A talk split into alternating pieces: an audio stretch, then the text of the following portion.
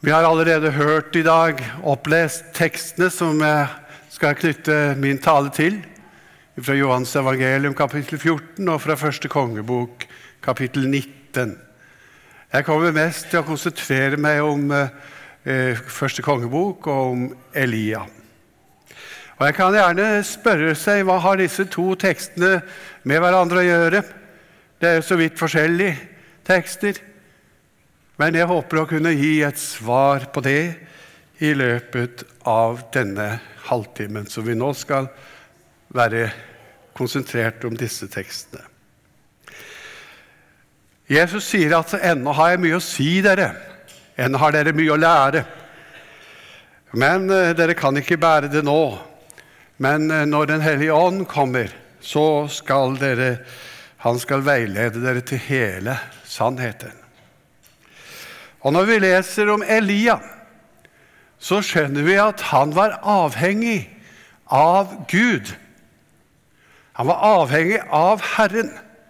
Det var ikke han selv som kunne gjennomføre disse store handlinger som han fikk være med på. Det var Herren som gjorde det, det var Herren som handlet, og det var igjennom Han alt dette skjedde. Kraft Profeten Elia var avhengig av Gud. Og slik er det også med oss. Om vi ikke er noen kraftprofeter, men hver enkelt en av oss er avhengig av Den hellige ånd.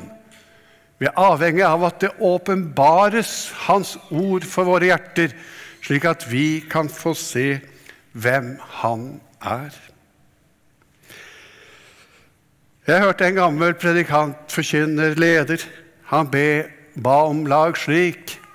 Herre, sa de frukter du ser etter hos meg, ser etter i mitt liv, må være deg, kan du skape de fruktene. Det var en dyp erkjennelse hos denne mann at uten Gud kunne han ingenting gjøre. Og slik er det hos oss.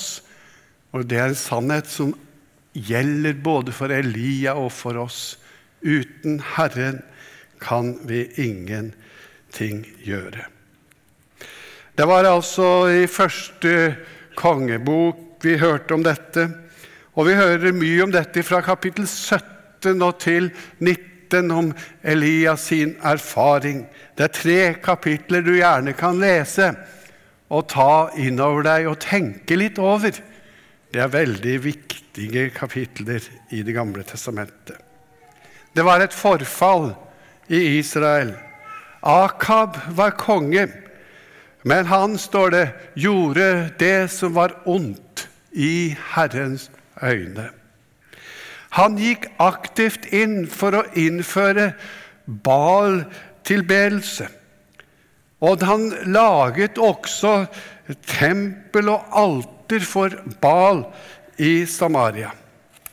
I denne tid, som var preget av forfall og frafall, så skulle altså han, denne profeten, tre frem.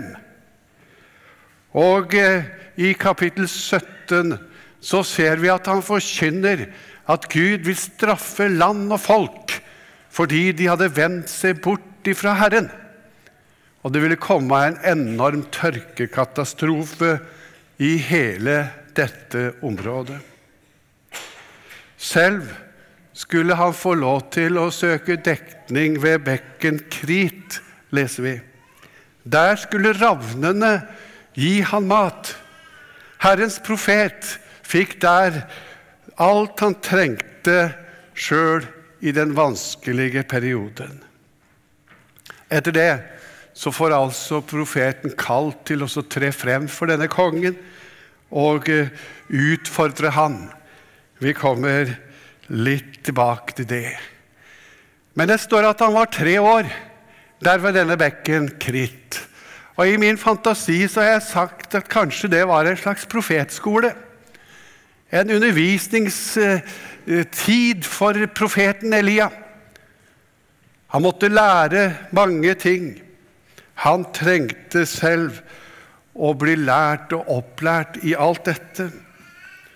Og hva er det som eh, var eh, viktig for han, og som vi også skal kunne lære litt av? Han lærte tålmodighet der ved bekken Krit. Tenk det, at han fikk eh, opplæring, og Gud brukte noe så simpelt som ravner i å lære Elia tålmodighet. Og når vi tenker på ravnene, så var det urene dyr. Det er litt rart å tenke på at hver morgen og hver kveld så kom disse åtselsdyrene mot bekken, kritt og leverte mat til profeten. Og jeg tenkte det var jo litt av en undervisning å få for en profet. Altså han skulle få det av noen sånne merkelige skapninger som ravner. Men Gud, han bruker hva han vil, og hvem han vil.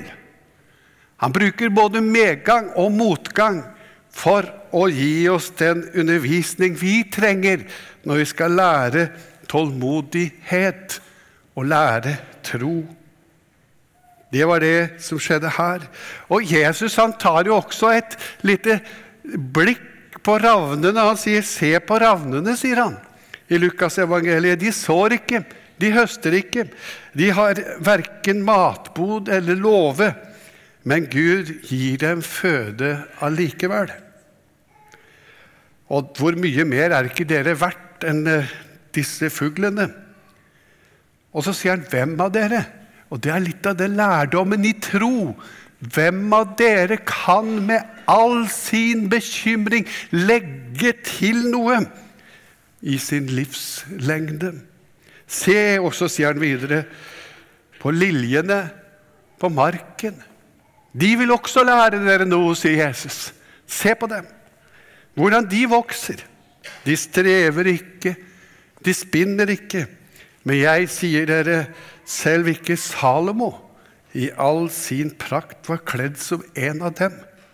Når Gud kler gresset så fint, det som gror på bakken i dag og kastes i ovnen i morgen, hvor mye mer skal han da ikke kle dere, dere lite troende?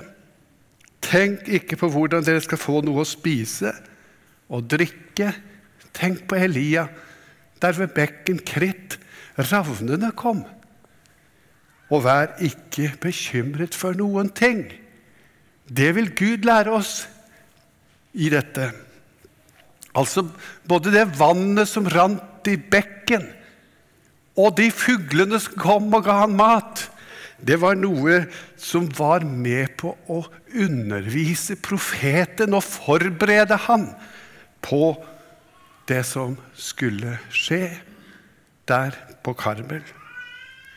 Men det var noe mer i undervisningen. Det var noe mer i denne undervisningsplanen som Gud hadde for denne profeten. Blant annet så var det en enke i Sarepta. Og dere kjenner til den beretningen, går jeg ut fra. De aller fleste av dem hun hadde ikke mat. Og så var det alt tomt. Og så skulle hun gå til profeten og gi han et brød. Og så sa hun at de har jo ingenting. Så er det da å si gjør som jeg sier. Og etterpå så manglet hun ingenting. Mølkrukken den ble ikke tom, og heller ikke oljekrukka ble tom. Hva er det Gud lærer profeten? Det er et undervisningstrinn i læreplanen som sier 'tro på Gud' gjennom alle ting. Og så brukte han denne enken til å være med i denne undervisningen. Men der hjemme hos enken så skjedde det også noe mer. Det skjedde liksom den ene tragedien etter den andre, kan du si. Hun hadde mistet sin mann. Hun hadde ikke mat, men da fikk jo Gud gitt henne det.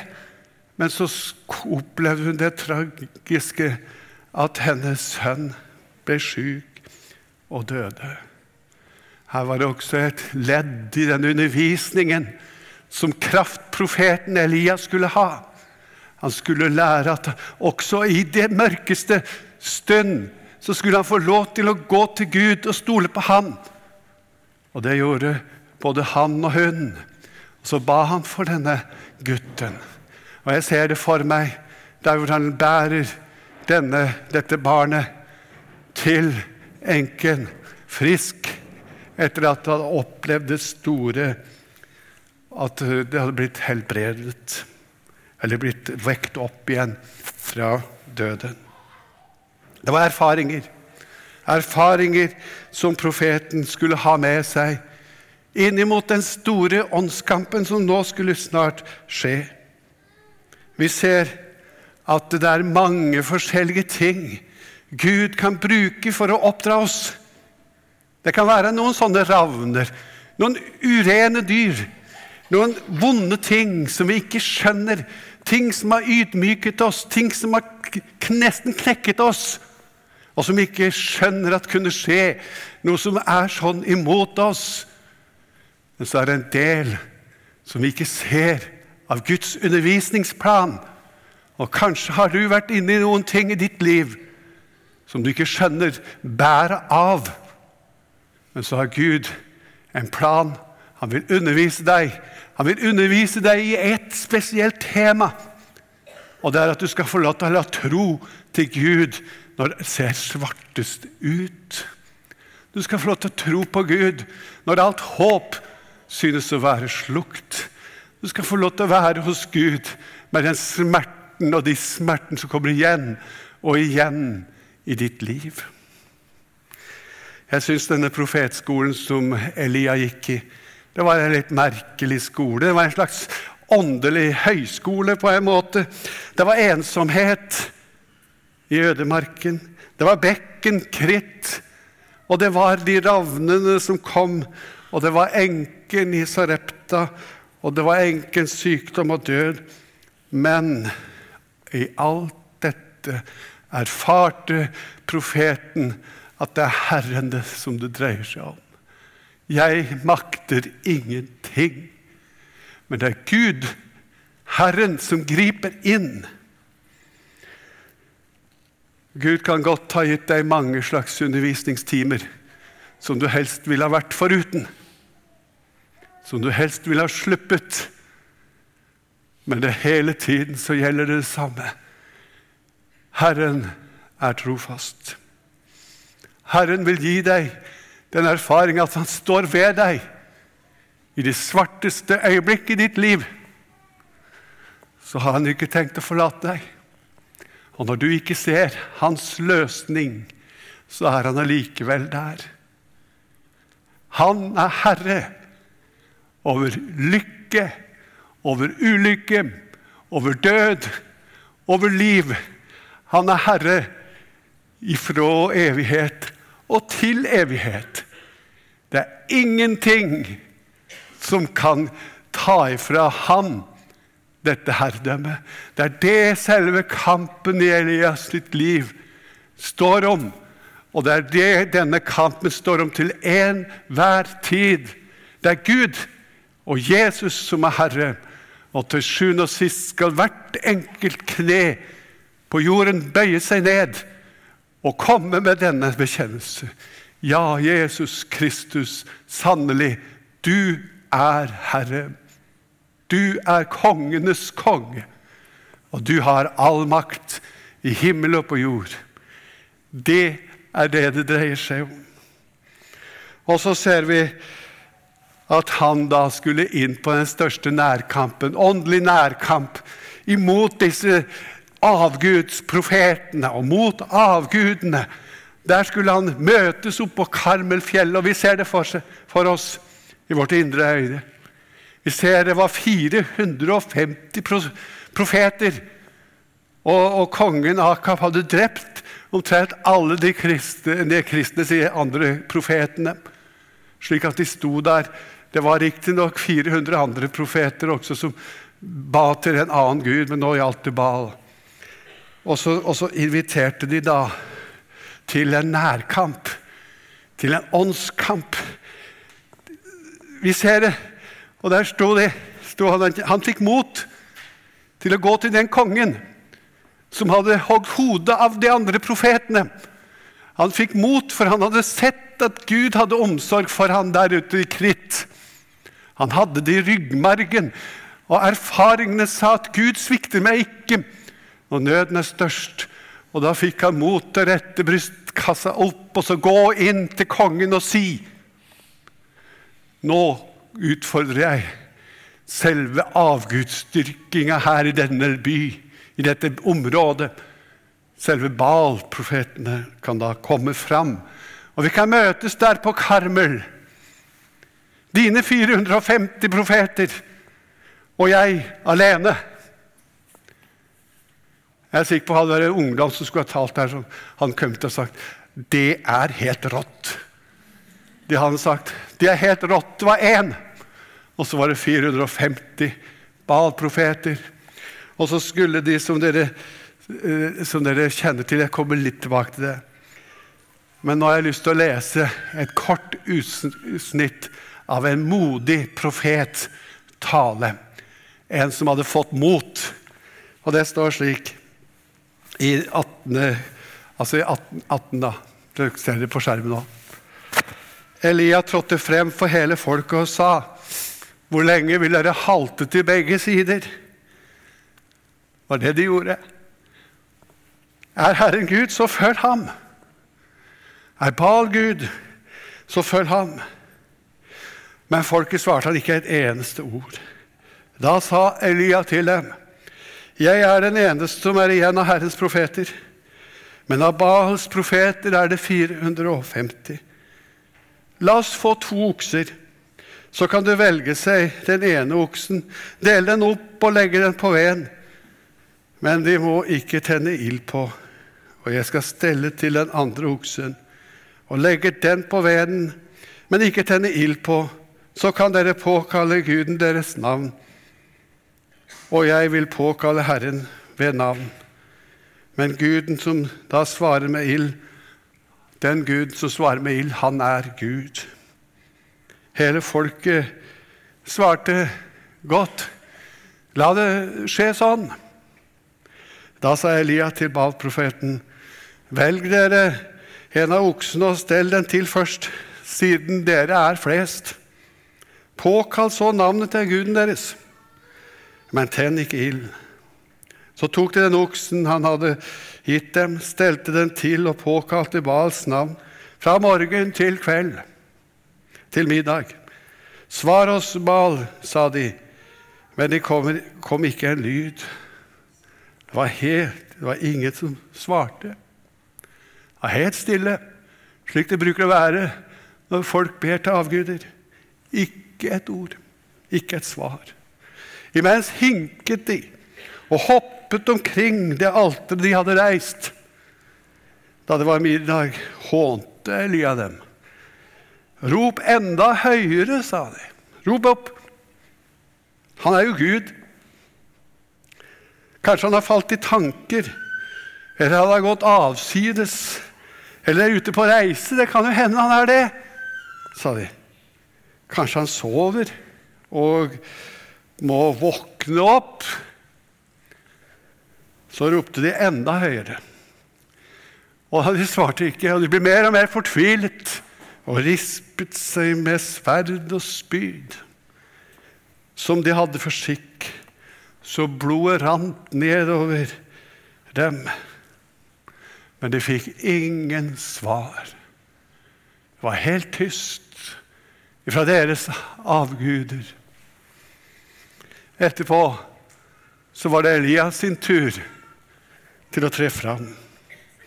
Og han ber dem helle vann på veden for en tro på offerdyret så mye vann at det ble en bekk omkring alteret der. Så mye vann helte de på. De kunne jo ikke ta noe risiko for at det, at det kanskje det var noe, tørre, noe, noe, som skjedde der. Kom liksom ild fra andre steder. Det var både tørt og alt. Så ber han en stille bønn og sier at 'vis nå, Gud, hvem du er'. Så kommer ilden fra himmelen og fortærer oksen, hele alteret, og slikker opp, står det. Vannet som fløyt omkring alteret, Og så tar han med alle disse 450 profetene ned, og så dreper han dem, står det. Her var det et mektig under som skjedde. Det var en undervisning for hele Israels folk om at Herren er Herren. En undervisning som var viktig for Gud, fordi at Israels folk bærer paktene. Og de skulle også bære det videre til oss. Men eh, nå, etter at dette hadde skjedd, etter at denne åndelige på en måte kraftanstrengelse hadde skjedd i Elias sitt liv, så blir han skremt og redd. Nå truer den mektige dronningen, hun som hadde 400 profeter og, og til, som tilba startebilder, om å drepe han. Og han må gå ut i ørkenen.